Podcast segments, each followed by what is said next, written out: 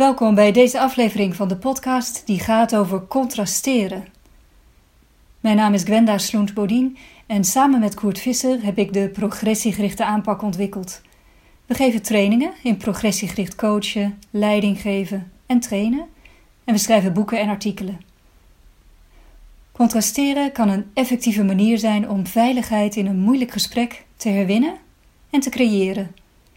Het is een techniek die helpt wanneer je gesprekspartner je goede bedoelingen niet ziet en je verdenkt van slechte intenties of disrespect. In het boek Crucial Conversations wordt deze techniek toegelicht. Gesprekken die makkelijk en gemoedelijk verlopen, kunnen soms opeens veranderen in zogenaamde cruciale gesprekken. Er wordt een gevoelig punt naar voren gebracht, iemand voelt zich opeens aangevallen of iemand zegt iets waar je het totaal mee oneens bent over een onderwerp dat je erg belangrijk vindt. En op dat soort momenten heb je de vaardigheid nodig om het gesprek in goede banen te leiden, terwijl de adrenaline in je brein het juist heel erg moeilijk maakt om rustig en wijs te reageren. Je gesprekspartner en jij voelen zich razendsnel niet meer veilig in het gesprek. Je bent bijvoorbeeld aan het praten over verkiezingen en je gesprekspartner zegt opeens dat hij niet gaat stemmen omdat het er allemaal geen zin heeft en politici niet te vertrouwen zijn. Jij vindt het juist erg belangrijk dat mensen hun stemrecht gebruiken, omdat stemmen de basis is van een democratische samenleving en het behoud ervan. En je gesprekspartner hoort in wat jij zegt dat je hem een slechte burger zou vinden en schiet in de verdediging.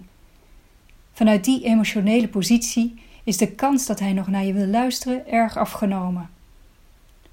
Een ander voorbeeld is: je bent aan het praten over corona en je gesprekspartner zegt dat hij twijfelt of hij zich wel zal laten vaccineren. En jij vindt het juist erg belangrijk dat iedereen zich laat vaccineren, omdat dat leidt tot bescherming van ieders gezondheid, niet alleen die van de persoon zelf. En je gesprekspartner hoort daarin dat je hem een wappie vindt en hij schiet in de verdediging. Vanuit die emotionele positie is de kans heel klein dat jullie een constructief gesprek kunnen voeren over COVID-vaccinaties. En in dergelijke situaties is het voor de hand liggend om elkaar slechte bedoelingen toe te gaan dichten.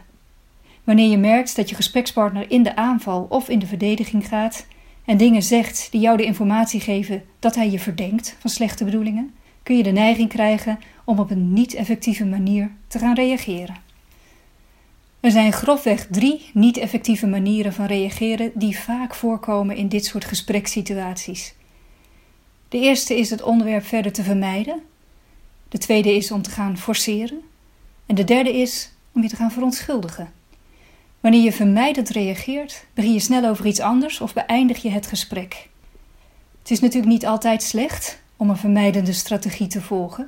Immers, wanneer de context er niet naar is om door te praten over vaccinaties of stemmen, dan is het misschien juist effectief om ergens anders over te beginnen.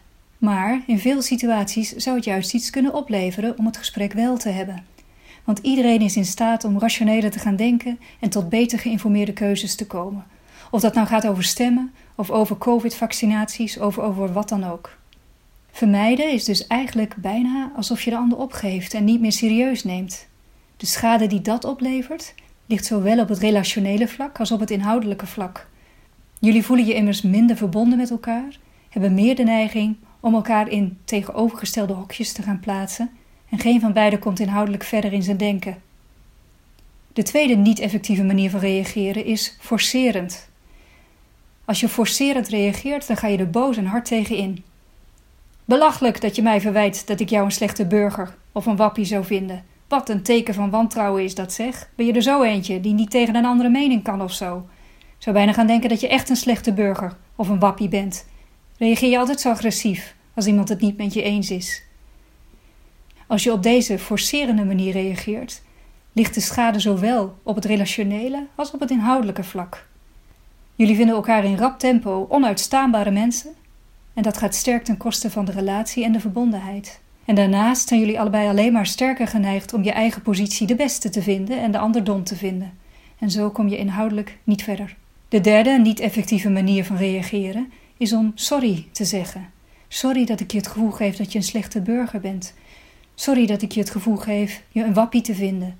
Zo zou je verontschuldiging kunnen klinken. Maar die verontschuldiging is eigenlijk niet eerlijk, want hij doet geen recht aan wat je daadwerkelijk probeerde te zeggen. Je boodschap was immers helemaal niet dat je de ander een slechte burger of een wappie vindt.